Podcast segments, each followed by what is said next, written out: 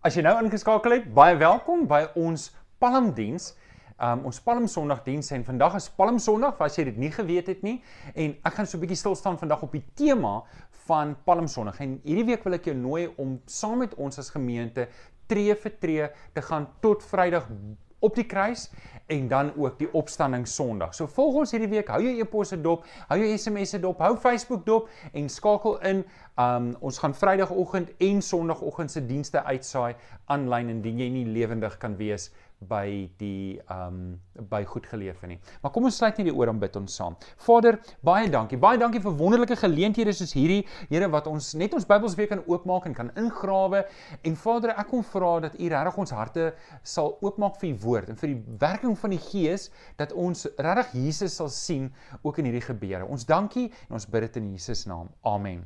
Amen. Nou vriende, soos reeds gesê, is ons besig met um met Palm Sondag en hierdie week is wat hulle noem Lydingsweek. Nou wat is Lydingsweek? Lydingsweek is die laaste week van Jesus se se se menslike bestaan op aarde voordat hy gekruisig is. En daar's baie spesifieke gebeure gebeur en ek wil jou ek wil jou regtig aanmoedig om die beste te maak van van hierdie week deur om 'n paar goed te doen. Ek het 5 wenke vir jou hoe jy die beste kan maak van Lydingsweek en die eerste ene is is kry iewers 'n doringkroon of 'n kruis, hier's my kruis. Hierdie kruis het ek nog van Bloemfontein se dae af. Kry vir jou 'n doringkroon of 'n kruis, sit dit iewers sentraal in jou huis op en herinner jou daaraan as jy die as jy die doringkroon sien dat Jesus vir ons 'n koning is, maar dat hy gesterf het op die kruis. Nog 'n ding, steek kersse op. Steek kersse op wat vir ons herinner wat jy iewers in die huis nie vir load shedding nie, maar vir Paasfees, um wat jou herinner dat Jesus is die lig wat in hierdie donker wêreld deurgebreek het. Dan wenk nommer 3, maak 'n opoffering.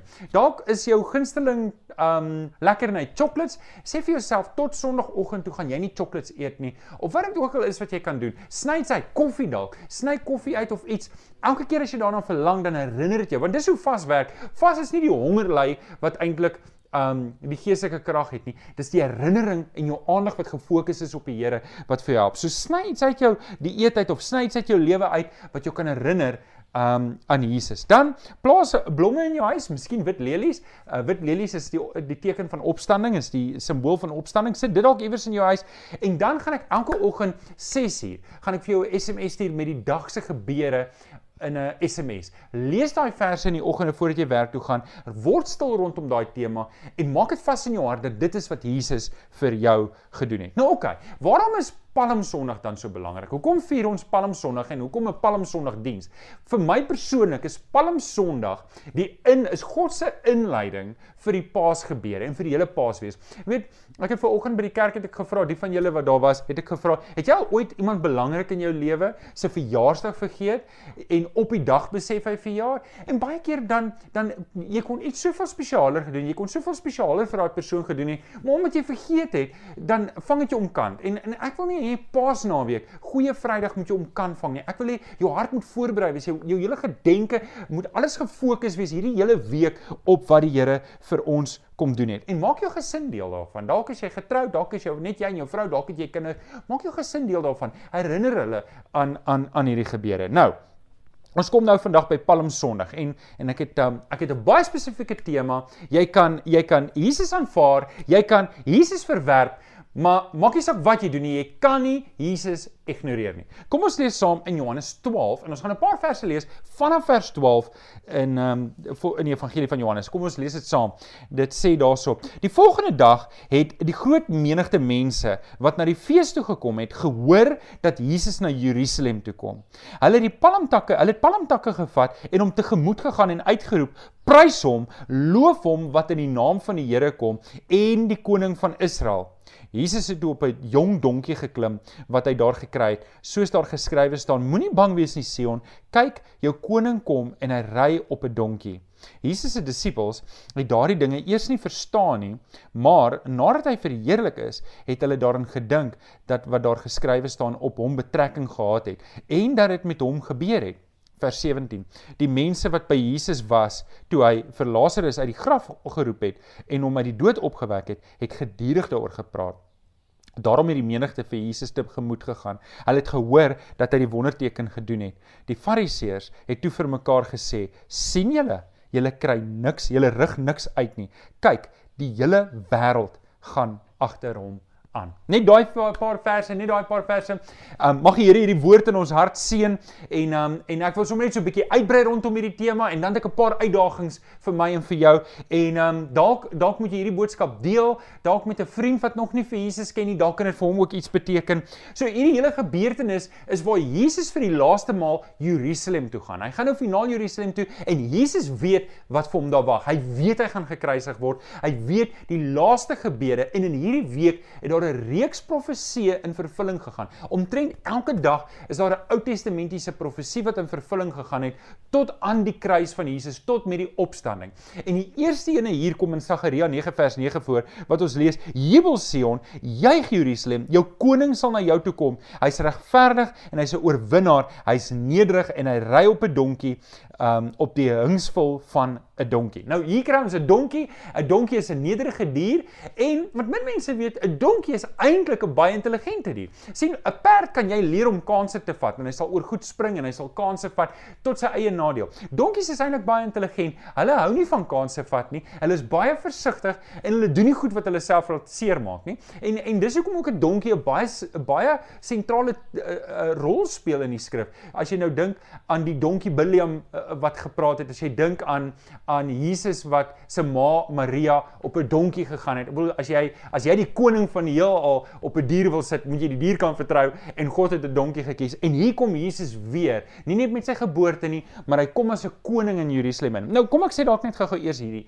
hierdie hierdie ding. Hoekom kom hy nie op 'n perd op nie? Hoekom kom hy nie op 'n perd op nie? Want 'n perd was die simbool van oorlog. As 'n as 'n koning op 'n perd kom, kom hy om oorlog te voer. Maar Jesus kom op 'n donkie want 'n donkie is teken van vrede, is 'n teken van rustigheid, is 'n teken van nederigheid en en dit is wat God eintlik probeer kommunikeer. Luister, jou koning kom na jou toe in vrede. Hy wil hy wil vrede hê met jou. Hy kom in vrede na jou toe. Hy kom na jou toe om vrede te maak. En in Johannes 3 vers 17 lees ons: Ek het nie na hierdie wêreld toe gekom om dit te oordeel nie, maar ek het juis gekom om dit te red. En dis 'n wonderlike gedagte en dis die ding wat ek en jy moet verstaan is Jesus steek vandag sy hand uit. Hy steek sy vandag sy hand uit om jou te red. Hy wil jou red en hy wil hê jy moet 'n volle oorgawe maak. Hy wil hê jy moet jou ou lewe agterlaat en hy kom vandag ook na jou toe as te ware op 'n donkie. Nou, daar kom 'n dag, daar kom 'n dag wat Jesus op die wit perd gaan kom sê Openbaring en dan kom hy met die swaard in sy hand en dan kom hy om te oordeel. So vriende, wat ons mekaar moet herinner, daar kom 'n tyd wat genade tyd heeltemal op is. En solank daar nog 'n vandag is, moet ek my lewe regmaak met die Here. Vandag te solank daar nog 'n vandag is, moet ek tot bekering kom en daai volle oorgawe maak want Jesus is nog op die donkie. Hy het in die op die donkie het hy in Jerusalem ingekom. So, hierdie is 'n baie mooi gedagte. Nou ek gaan vir julle ons gaan kyk na hierdie teks in Johannes en ons gaan kyk na drie sleutelgroepe drie sleutelgroepe en hoe hulle gereageer het op Jesus. En ek wil net die hele tyd jy moet jouself die vraag vra is is waar staan jy met die Here? Hoe lyk jou verhouding met die Here? En en dan gaan ons dan gaan ons op die einde 'n uitnodiging maak en dan gaan ek dan gaan ek vir jou wys wat jy kan doen met jou lewe want dalk sit jy nog op die weegskaal. Dalk dalk lewe jy voluit vir die Here en dan prys ek die Here saam met jou. Is wonderlik as jy die Here dien en as jy lief is vir die Here. Maar um, ek dink ek dink ons moet tog mekaar uitdaag vir as daar as daar dalk areas in my lewe wat nie in die Here behoort nie. So kom ons kyk na die drie rolspelers in hierdie verhaal. Die eerste groep mense wat ons hier kry, is die menigtes. Ons lees dat hierdie mense het Jesus agtervolg. Hulle het 'n baie besliste verwagting gehad. Hulle het gehoop op 'n aardse koning. Hulle het gehoop op 'n aardse koning. So in Johannes 12 vers 12 lees ons: "Die volgende dag het 'n groot menigte mense wat na die fees toe gekom het, gehoor dat Jesus na Jerusalem toe gekom het." Nou hierdie mense het gekom vir die fees. Hulle was in voorbereiding vir die Paasfees. Die Paasfees was een van die was seker die Joodse grootste fees gewees. Onthou, Paas Paasfees speel terug reg terug tot God wat die volk uit Egipte uitgelei het, wat hulle die Paaslam moes slag. En sien, die Here kies dat Jesus op Paasfees gekruisig moet word, juis om hierdie rede, dat dieselfde lam wat hulle geslag het sodat die doodsengel verby hulle huis sou gaan, nou slag God sy lam wat hy verskaf en dis nie dis nie dis nie 'n lam se bloed wat teen die deurkosyne gaan nie, maar dis sy seun se bloed wat teen die kruis gesmeer word sodat daar verlossing kan wees vir ons. Jesus, 'n God kies daai daai tydsberekening, dis 'n goddelike tydsberekening en dis perfekte tydsberekening. Dis wat God gekies het. So hierdie menigtes, hulle volg Jesus en hulle het 'n baie besliste verwagting. Hulle het nie die verwagting van 'n kruis nie. Hulle is hierso en ons lees Jesus was oral gevolg want Jesus het wonderwerke gedoen. Ons lees hier was mense in die dorp wat onder mekaar gepraat het. Hoorie, daai Jesus, dis die een wat um Lazarus uit die dood uit opgewek het. Jesus, hy's die een wat die kos en almal drom toe saam en toe hy in die stad inkom op die donkie, onthou nou net nê, hierdie was nie rente crowd nie. Hierdie was nie hierdie het so spontaan gebeur soos wat God dit wou gehad het. Jesus kom op die donkie en die mense kom en hulle begin sing haleluja, hulle sing Hosanna, Hosanna, Hosanna in die hoogste. Nou ons sing hierdie liedjie. Ek weet nie, julle onthou ons sing hierdie liedjie in die kerk, nê? Ons sing hierdie liedjie in die kerk. Wie wie, wie, wie weet wat beteken die woord Hosanna? Allerhoogste. Okay, goeie raai, goeie raai, nog 'n raai. Hosanna is 'n uitroep. Jy's naby, jy's naby te vanie. Is 'n uitroep om te sê, Here, red ons. Ons het Hosanna 'n oorwinning gemaak. Ons het Hosanna gemaak dat dit dat dit 'n loflied is, maar eintlik is Hosanna 'n diep diep kreet wat sê, Here, red my. Here, red my. Kom kom sien my in my nood raak en ver, verander my lewe en en en en, en dis wat hulle hier doen. Hier is hierdie menigtes en hulle sê Hosanna, Hosanna. Hulle spreek Jesus toe. Hulle kom pleit eintlik by Jesus. Hulle bring die palmtak en hulle sê kom ons wil Here, ons wil jou nou koning maak. Ons wil jou nou koning maak. Kom red ons uit hierdie verknorsing. Nou waarvan wil hulle gered word? Hulle hulle wil nie eintlik gered word van sonde nie. Kom ons sê dit mekaar. Hulle wil nie gered word van sonde nie. Hulle wil nie gered word van hulle eie lewe nie. Hulle wil gered word van die Romeine. Want die Romeine het hulle verskriklik onderdruk. Die Romeine onthou nou, die Jode moes tempelbelasting betaal het. So hulle moes belasting betaal het. Dit was 'n tiende wat hulle moet betaal aan die belasting. Nou dit was 'n dit was 'n orde wat daar was. Onthou die Lewiete mag nie grond besit het nie. Hulle mag nie gewerk het nie. So die Lewiete moes in die tempel tempeldiens doen en dan daar het um, hierdie tiendes van die volk moes dan vir hulle dra en dit en dit moes die tempel in stand hou. Nou nou, nou so hulle moes klaar tempelbelasting betaal. Nou die Romeine nog daar bo-op ook belasting betaal. Nou verbeel jouself, verbeel jouself weet jy's in daai situasie. Jy weet en dit dit knor want onthou hulle het nie pro rata belasting betaal soos ons nie. Daar was 'n flat rate omtrent en dis hoekom Jesus het um, het vir sy disippels gestuur om 'n vis te vang sodat daar 'n muntstuk in sy mond was om hulle belasting ook te betaal. So al het jy nie eens geld nie, jy moes belasting betaal. Hulle sê jy in die tronk gooi as jy nie belasting betaal nie.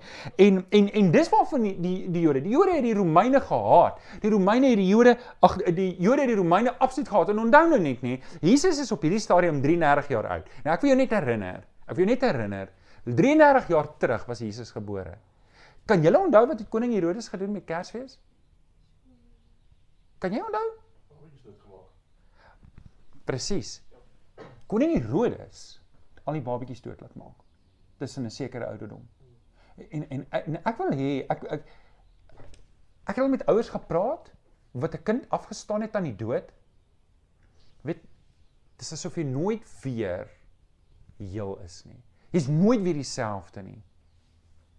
En en en en ek kan dink daar was mammas wat daar rond was en en by die kruis as ons kom by die kruisiging wat wat terug moes dink aan aan my seun sou so oud gewees het. Dis hoe oud my seun sou wees. Ek dink dit moes verskriklik wees. Ek dink so probeer net verstaan dat hierdie mense, hierdie menigtes het die Romeine absoluut gehaat. Hulle het niks van hulle gehou nie. Nou oké, okay, met dit in gedagte. So, dis belangrik. Ons moet verstaan, hulle het nie 'n geestelike leier gesoek nie. Hulle het 'n koning gesoek. En en dis dis reg, daar's niks fout daarmee nie. Maar dis nie wat Jesus was nie. So dis die eerste groep mense. Die tweede groep mense, dis hulle is nog erger. Hulle was die Fariseërs. Hulle het geen verwagting gehad dat die Here 'n koning sou word nie. Hulle wou nie 'n koning gehad het nie. Ons lees in Johannes 12 vers 19 hulle gesindheid. Die Fariseërs het toe vir mekaar gesê: "Sien, julle rig niks uit nie. Kyk, die hele wêreld gaan agter hom aan." En is interessant dat die vers sê, hulle het dit vir mekaar gesê. Hulle het na mekaar gekyk en mekaar beskuldig. Soos, "Luister, julle ouens, luister, julle doen dit nie reg nie." Hulle sê dit vir mekaar. Dis eintlik as jy nou mooi daaroor dink, hulle beskuldig mekaar van hierdie ding. Want hulle was so gefrustreerd. Hulle het 'n rede gesoek om Jesus dood te maak en hulle kon net nie hou vas op hom kry nie. Hulle kon niks kry waarop hulle Jesus kon beskuldig. Onthou op die einde van die dag, toe moes hulle 'n klomp mense inbring wat hom vals beskuldig sodat hulle iets kon kry om hom om hom op vas te vang. En en al die goed wat hulle hom toe uiteindelik vasgekry het op, is goed wat hulle so verdraai dat dit absoluut nie die waarheid was nie. Maar Jesus het homself nie daarteen verset nie, maar kom ons los dit nou vir Vrydag se diens. Ons los dit nou vir Vrydag. Ons is op by die Fariseërs. Die Fariseërs As die mense wat die beste geweet het. Hulle het geweet wie Jesus is. Baie mense redeneer en sê ja, maar die Fariseërs het nou nie geweet dis Jesus nie en ons moenie so hard op hulle wees nie. Maar dis nie waar nie, want Johannes 3, reg in die begin van Jesus se bediening, lees ons dat Nikodemus sê hierdie woorde. Hy sê hierdie woorde. Hy sê ons weet, hy sê Rabbi, ons weet dat u van God is. Nou Nikodemus is 'n Fariseer. Ek kan dink hulle vir mekaar sê, hoorie, niemand kan hierdie werke doen. Dis wat Johannes 3 vers 2 sê. Niemand kan hierdie dinge doen as God nie met hom is nie. So al het hulle nie geweet hy's die seun van God nie, het hulle beslis geweet hy's deur God gestuur en nog steeds wil hulle hom doodmaak. Nog steeds wil hulle hom nie hê nie. Dink gou mooi daaroor. Die Fariseërs was op die beste plek geposisioneer om deur die Here gebruik te word. As jy nou mooi dink, as die Fariseërs aansou meld en gesê, "Here, hier is ons. Ons wil deur U gebruik word. Ons onderwerp ons aan die koninkryk. Ons het mos uit die skrifte ondersoek. Ons weet daar kom 'n Messias." Maar dis nie wat hulle wou gehad het nie. Want sien, hulle wou nie gehad het God se plan moet in uitvoering gegaan het nie. En weet julle hoekom? En hier is die ding. Want hulle het die eer van mense geniet. Hulle het daarvan gehou. Hulle hulle hulle wou nie gehad het Jesus moet by hulle oorneem nie want hulle was besig om die show te ran en dit was 'n redelike nice show. Oral waar hulle kom, het die mense van hulle gehou, amper asof hulle aanbid was. En nou hulle het al die reëls opgemaak wat die mense nie kon onderhou nie. En dan was hulle so, hulle het neergekyk op die mense en gesê, "Ja, om julle sondaars en nou moet julle weer hierdie reiniging gaan en al hierdie goeters." En hulle het dit onmoontlik gemaak vir die mense om om God te dien. En en en hier, hulle wou die status quo gehad het. Hulle hulle wou nie gehad het Jesus moet oorneem nie. En dis hoekom hulle rede gesoek het om Jesus dood te maak. Dit bring ons by die derde groep. En dis die disippels. En die disippels dalk nie op hierdie oomblik nie, dalk eers 'n bietjie later, maar hulle het gehoop op 'n goddelike koning. In die begin sien ons, hulle het net soos die eerste groep, het hulle maar gehoop op 'n aardse koning, maar soos die tyd aangaan, het hulle agtergekom hulle verwagting is verkeerd. Nou lees ons in Johannes 12 vers 16. Jesus se disippels het hierdie dinge eers nie verstaan nie, maar nadat hy verheerlik is, het hulle daaraan gedink wat daar geskrywe staan en dat dit op hom betrekking gehad het en dat dit met hom gebeur het. So so nie dadelik nie, nie dadelik nie, maar mettertyd na Jesus opgestaan het, nadat die Heilige Gees uitgestort is, nadat Jesus opgevaar het hemel toe, het hulle teruggekyk en hulle het alles begin verstaan dat Jesus het die hele tyd vir hulle gesê, ek is nie hier om 'n aardse koning koninkryk te vestig nie. Ek is hier om 'n hemelse koninkryk te vestig en ek wil hê julle moet my apostels wees. En toe hulle daai ding klik, toe hulle daai ding klik, toe was hulle soos 'n ketty uit 'n klip uit wat hulle geestelike lewe betref en hulle het die wêreld omgekeer. Die apostels, hulle het disippels gemaak, hulle het die kerk geplant, hulle het die hele wêreld omgekeer en niks was ooit weer dieselfde nie. Nou, dit bring ons nou by 'n finale vraag en dit is watter een van hierdie 3 groepe is ek en is jy. Ek ek ek wil jou ek ek wil jou in die oë kyk en ek en ek wens ek kon by jou gewees het in die sitkamer waar jy nou sit. Ek wil hierdie vraag vra. Waar staan jy met die Here? Die eerste die eerste groep mense, ek het eintlik 3 huisies. My vrou het eintlik die huisies vir my geteken, maar toe het ek hulle verloor, so toe moes ek weer ander kry. Die Fariseërs het Jesus heeltemal buite gestaan. Hulle hulle wou nie eintlik gehad het Jesus moet inkom nie. Hulle het hulle eie ding gehad, hulle het hulle eie lewe geleef, hulle het hulle eie agendas gehad en hulle hulle hulle, hulle het nie plek gehad vir Jesus nie. En, en dit mag wees dat dit is waar jy is, dat jou lewe is geïsoleerd en jy, en jy weet die Here is daar. Jy jy, jy glo die Here is daar, maar eintlik jy het net nie nou plek nie. Jy's nou te besig vir die Here in jou lewe. Jy die Here die, die Here moet maar buite kan staan. En dis wat die Fariseërs gedoen het. Natuurlik, hulle was meer hartlik geweest teenoor Jesus. Maar Dis mos maar dieselfde. As Jesus nie plek in my lewe het nie, het Jesus nie plek in my lewe nie. Maak nie saak wat my rede of my verskoning is nie. Daar's 'n tweede groep mense en en dit was die volk. Hulle wou die Here gehad het, maar op hulle terme. Hulle wou die Here gehad het in hulle lewe, maar dit moes op hulle terme gebeur het. Hulle het hulle eie verwagting gehad van wat Jesus moes doen. So op 'n manier, op 'n manier klink dit dalk 'n bietjie beter want die Fariseërs het Jesus heeltemal net verwerp. Jesus moet maar buite staan. Maar daar's baie mense, baie gelowiges wat eintlik maar die Here dien met hierdie verskeie agenda om te kyk wat kan hulle daai kry. En en en maar ek sit nog steeds op die troon van my eie lewe. Hier is die uitdaging wat ek hierdie Paasfees vir jou wil gee en dit is die derde ene dat jy Jesus op die troon van jou lewe sal sit. Dat jy Jesus op die troon van jou lewe sal sit en jou lewe totaal sal oorgee en dat jy jou agendas buite sal sit en dat jy jou eie planne buite sal sit en dat jy vir die Here sal sê Here Ek wil 'n volle oorgawe maak aan, aan U. En dit maak nie saak nie, weet jy wat, dalk het jy op 'n stadium regtig vir die Here geleef. En dalk het jy op 'n stadium regtig voluit geleef, maar iewers langs die pad het jy het jy lou geword, jy het flou geraak en en het jy maar weer op jou troon gesit in die lewe. En dan's dan's vanaand die uitdaging aan jou om jou lewe reg te maak met die Here.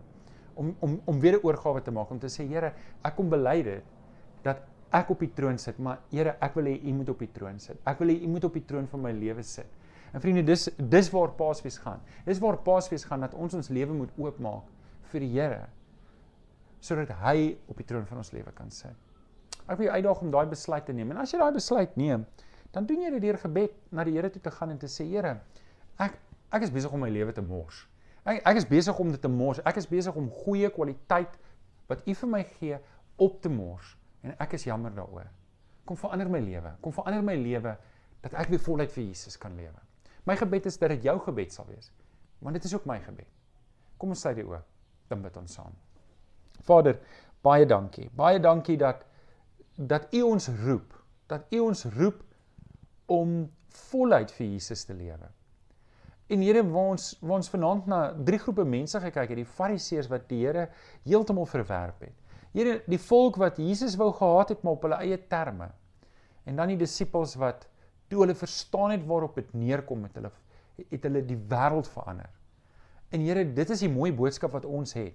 Ons het 'n boodskap wat die wêreld kan verander.